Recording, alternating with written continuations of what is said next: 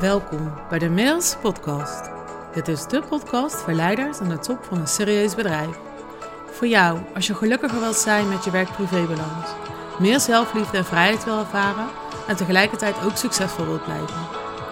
Mind Leadership is de gouden combinatie van cognitieve neurowetenschap en liefdevolle samenwerking met je ziel, welke huist in je hart.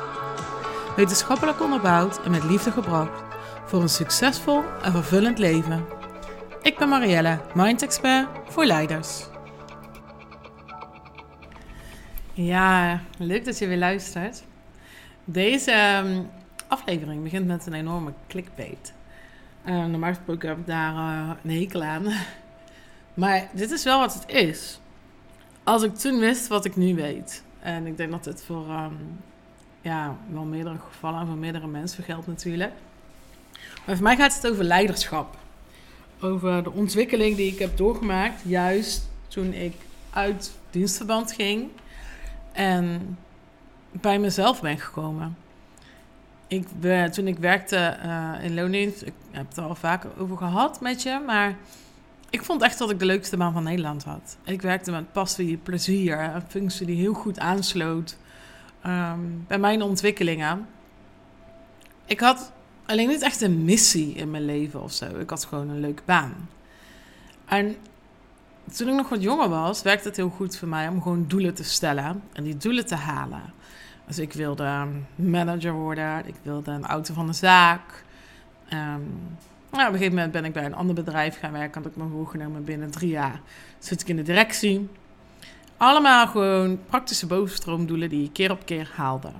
Want voor mij was er ook gewoon geen andere optie mogelijk. Ik zette hem in, werkte hard en ben opgeklommen naar dat wat ik graag wilde. En toen ik daar zat, toen kwam het aan op een, een missie hebben.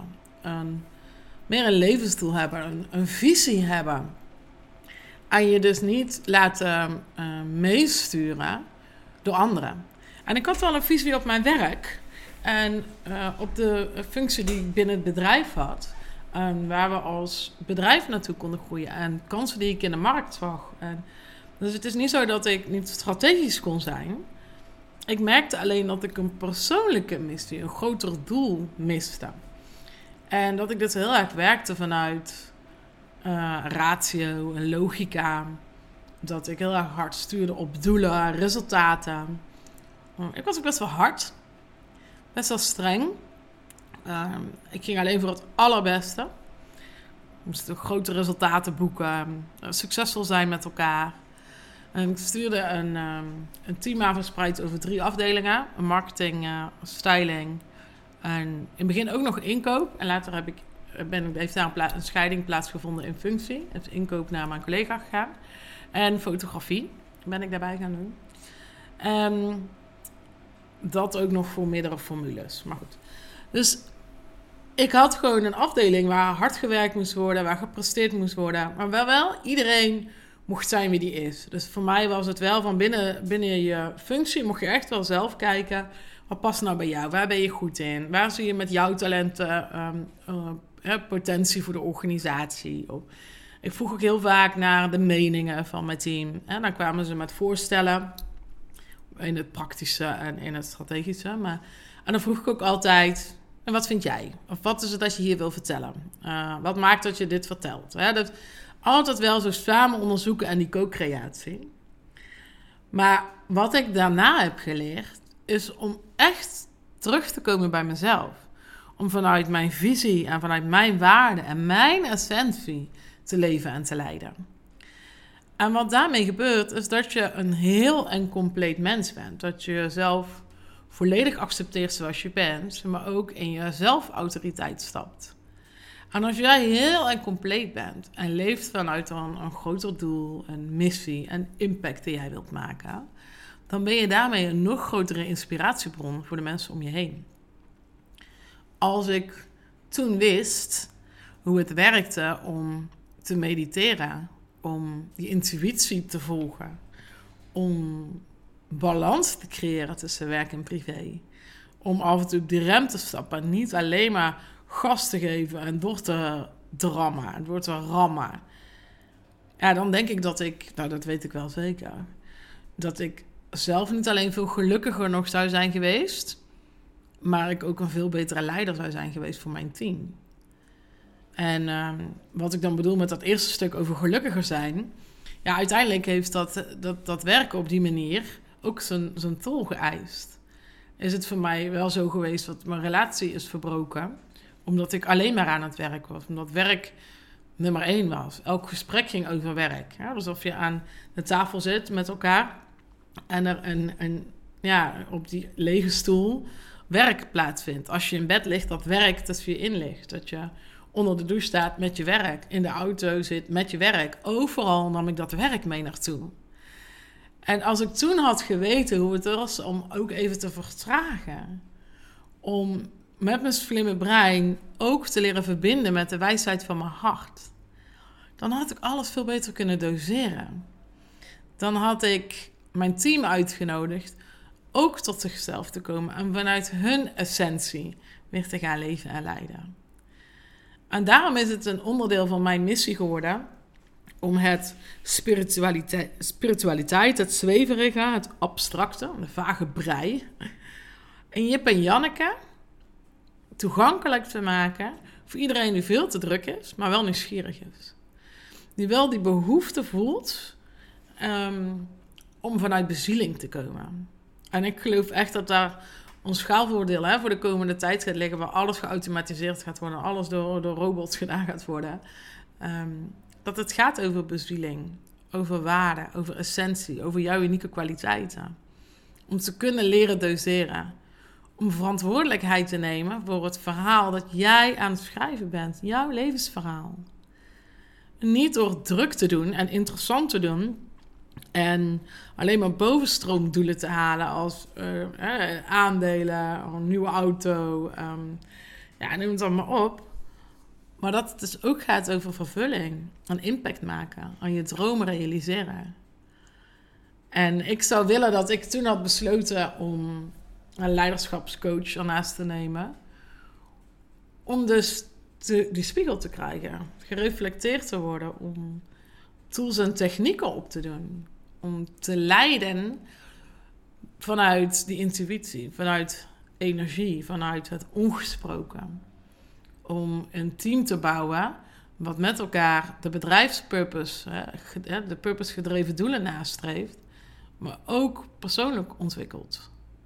Om dus de waarde binnen zo'n team enorm te vergroten. En ehm, ja, soms denk ik nog wel eens van, nou, zo leuk zou het zijn als ik nou gewoon even nog paar maanden terug ga om de nieuwe Improved Marielle daar te laten zien. Om ze te inspireren, omdat ik vind dat ze dat zo verdienen. Ik had echt een fantastisch team. Ehm, een hele grote club, voornamelijk vrouwen en één man.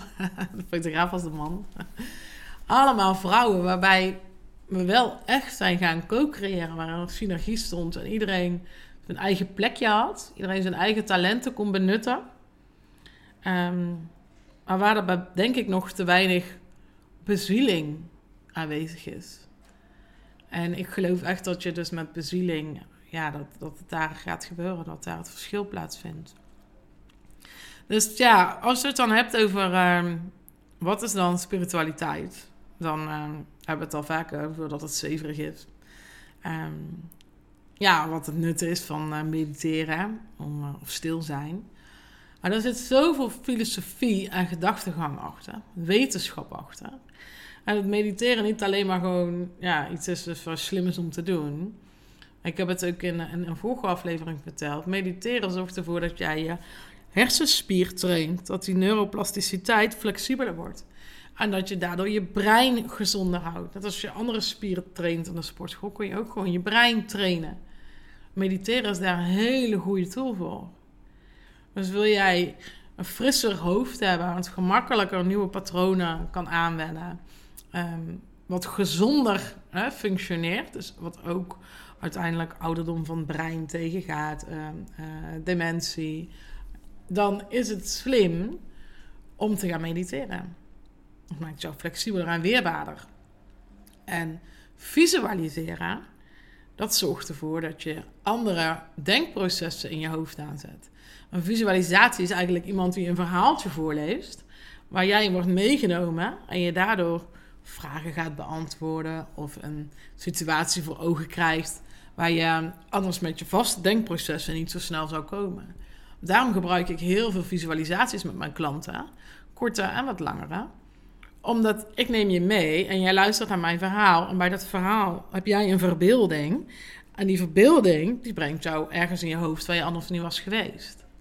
En anders ben je zo geneigd om je cognitieve verstand aan te zetten en weer in diezelfde breinprocessen te schieten. Dus dat, dat zijn twee vormen even van iets wat we spiritueel noemen. Wat super praktisch is. Wat ik zo graag had willen weten toen ik nog in mijn leiderschapsfunctie zat. Want hoe mooi is het als je kunt verbinden, hart tot hart binnen je team. En een gedreven purpose hebt. Waar echt bezieling achter zit, waar energie op zit. En dat ieder individu vanuit zijn eigen essentie bij mag dragen aan het grotere geheel. Dan creëer je echt zo'n enorm sterk teamverband. Dus je kan leiden met alle energie die er is. En nog zoiets is um, stil zijn. Ik geloof echt oprecht in de kracht van stil zijn. En ik had er vanochtend een meeting over. Um, um, met, een, uh, met een dame die heel veel werkt met productiemedewerkers.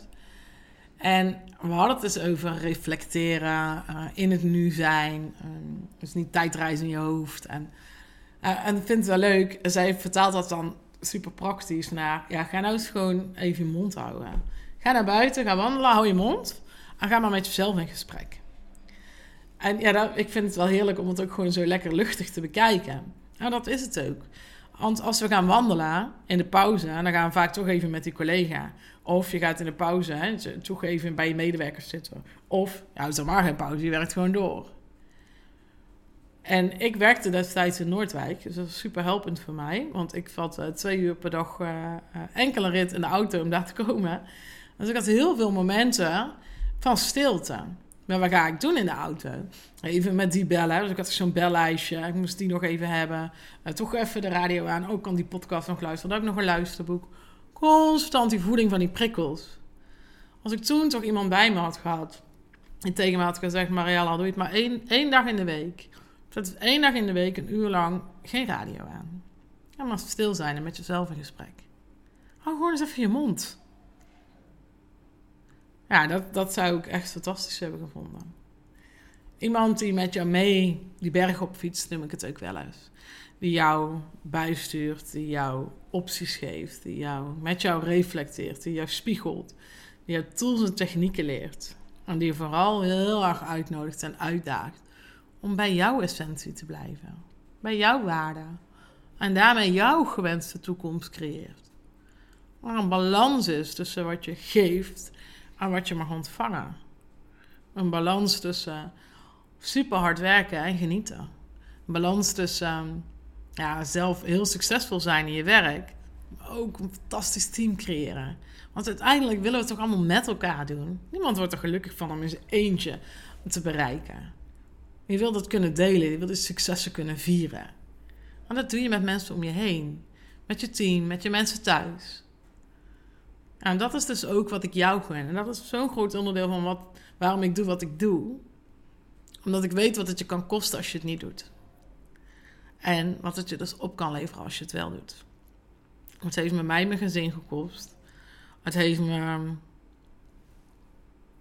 Ja, het heeft me ook behoorlijk wat uh, schuldgevoel gekost. Wat ook gewoon roofbouw is op je, op je lichaam en op je leven. Dus wat ik voor jou wens, is dat jij iemand naast je zoekt. Iemand zoals ik. Maar het mag ook absoluut iemand anders zijn. Waarmee je klikt. Waarmee je kan sparren. Waarmee je diepgang op kan zoeken. Om die jou constant uitnodigt, uitdaagt. Nog dieper in jezelf te gaan. En vanuit daar krachtige besluiten te nemen. Die passen bij jou, zodat jij aan het stuur zit van jouw leven. Dat je die vervulling ervaart, die voldoening, dat plezier je talenten benut, je de successen boekt. En dat je een fantastisch team creëert. En het zegt niet dat je nooit meer een uitdaging tegenkomt. Hè? En nooit meer baalt of uh, vloekt of frustratie uh, ervaart in je leven. Hè? We worden niet eens allemaal een of andere boeddha. maar het gaat er wel om hoe dat jij in het leven staat. Welke besluiten dat jij neemt. Welk perspectief jij hebt op jezelf en op je, op je keuzes. Nou, dat is uh, ja, wat ik toen uh, had willen weten. Dat ik nu wel weet. En herken jij jezelf hierin? En uh, ja, zou jij ook wel waardevolle nieuwe tools en technieken willen leren. Over uh, aanvullende eigenschappen willen bezitten. Waarmee je zelf meer balans in je leven creëert. Maar ook dus jouw omgeving gaat inspireren. Je een sterker team gaat bouwen. Waardoor je dus ook gewoon meer zakelijke successen gaat bouwen. Want ja, even je vrienden, op het moment dat jij een fantastisch team hebt, wat veel lekkerder in zijn vel zit, waar meer ja, um, vertrouwen is, waar we meer met elkaar delen, waar er een groter doel is wat we nastreven, dan heb je een, gewoon een gelukkigere medewerker. En niks is zoveel waard als een tevreden medewerker. Eentje die blijft, eentje die voor jou door het vuur gaat, eentje voor wie jij door het vuur gaat. Maar je met elkaar bouwt aan jouw visie. En, en daarnaast is het ook gewoon qua investering slim, want ja, het, het ziekteverzuim gaat ook naar beneden als je een gelukkige medewerker hebt. Die lekker in zijn vel zit. Dus die balans die jij gaat creëren en de inspiratie die jij bent, die reflecteer je, die weerspiegel je op je medewerker. Waardoor of die medewerker lekkerder in zijn vel gaat zitten. En dat heeft ook weer effect op diens privéleven. Want zo mag je dat helemaal doorrimpelen. Door zelf te gaan leven en leiden vanuit een voorbeeldrol. Ah, dus het is echt een win-win. Dat is wat ik je gun. Nou, ik hoop uh, dat het wederom inspirerend voor je was. Ik vind het heel erg leuk om te weten wat er bij jou opkomt. Uh, misschien kun je me laten weten waar voor jou een blokkade zit op, uh, op de onderwerpen die ik net heb besproken. Wat jij misschien heel graag zou willen weten om nog succesvoller te kunnen zijn in je leven of in je business. Maar waar dus die blokkade zit om dat nu nog niet te kunnen omarmen, om te kunnen leven. Nou, let me know. Hè? Dan kunnen we daar altijd gewoon vrijblijvend over in gesprek gaan met elkaar. Ik vind het super leuk om, uh, om je te leren kennen en om die verbinding dus ook te creëren. Um, ik wens je nog een hele fijne dag, nacht of avond. En tot de volgende!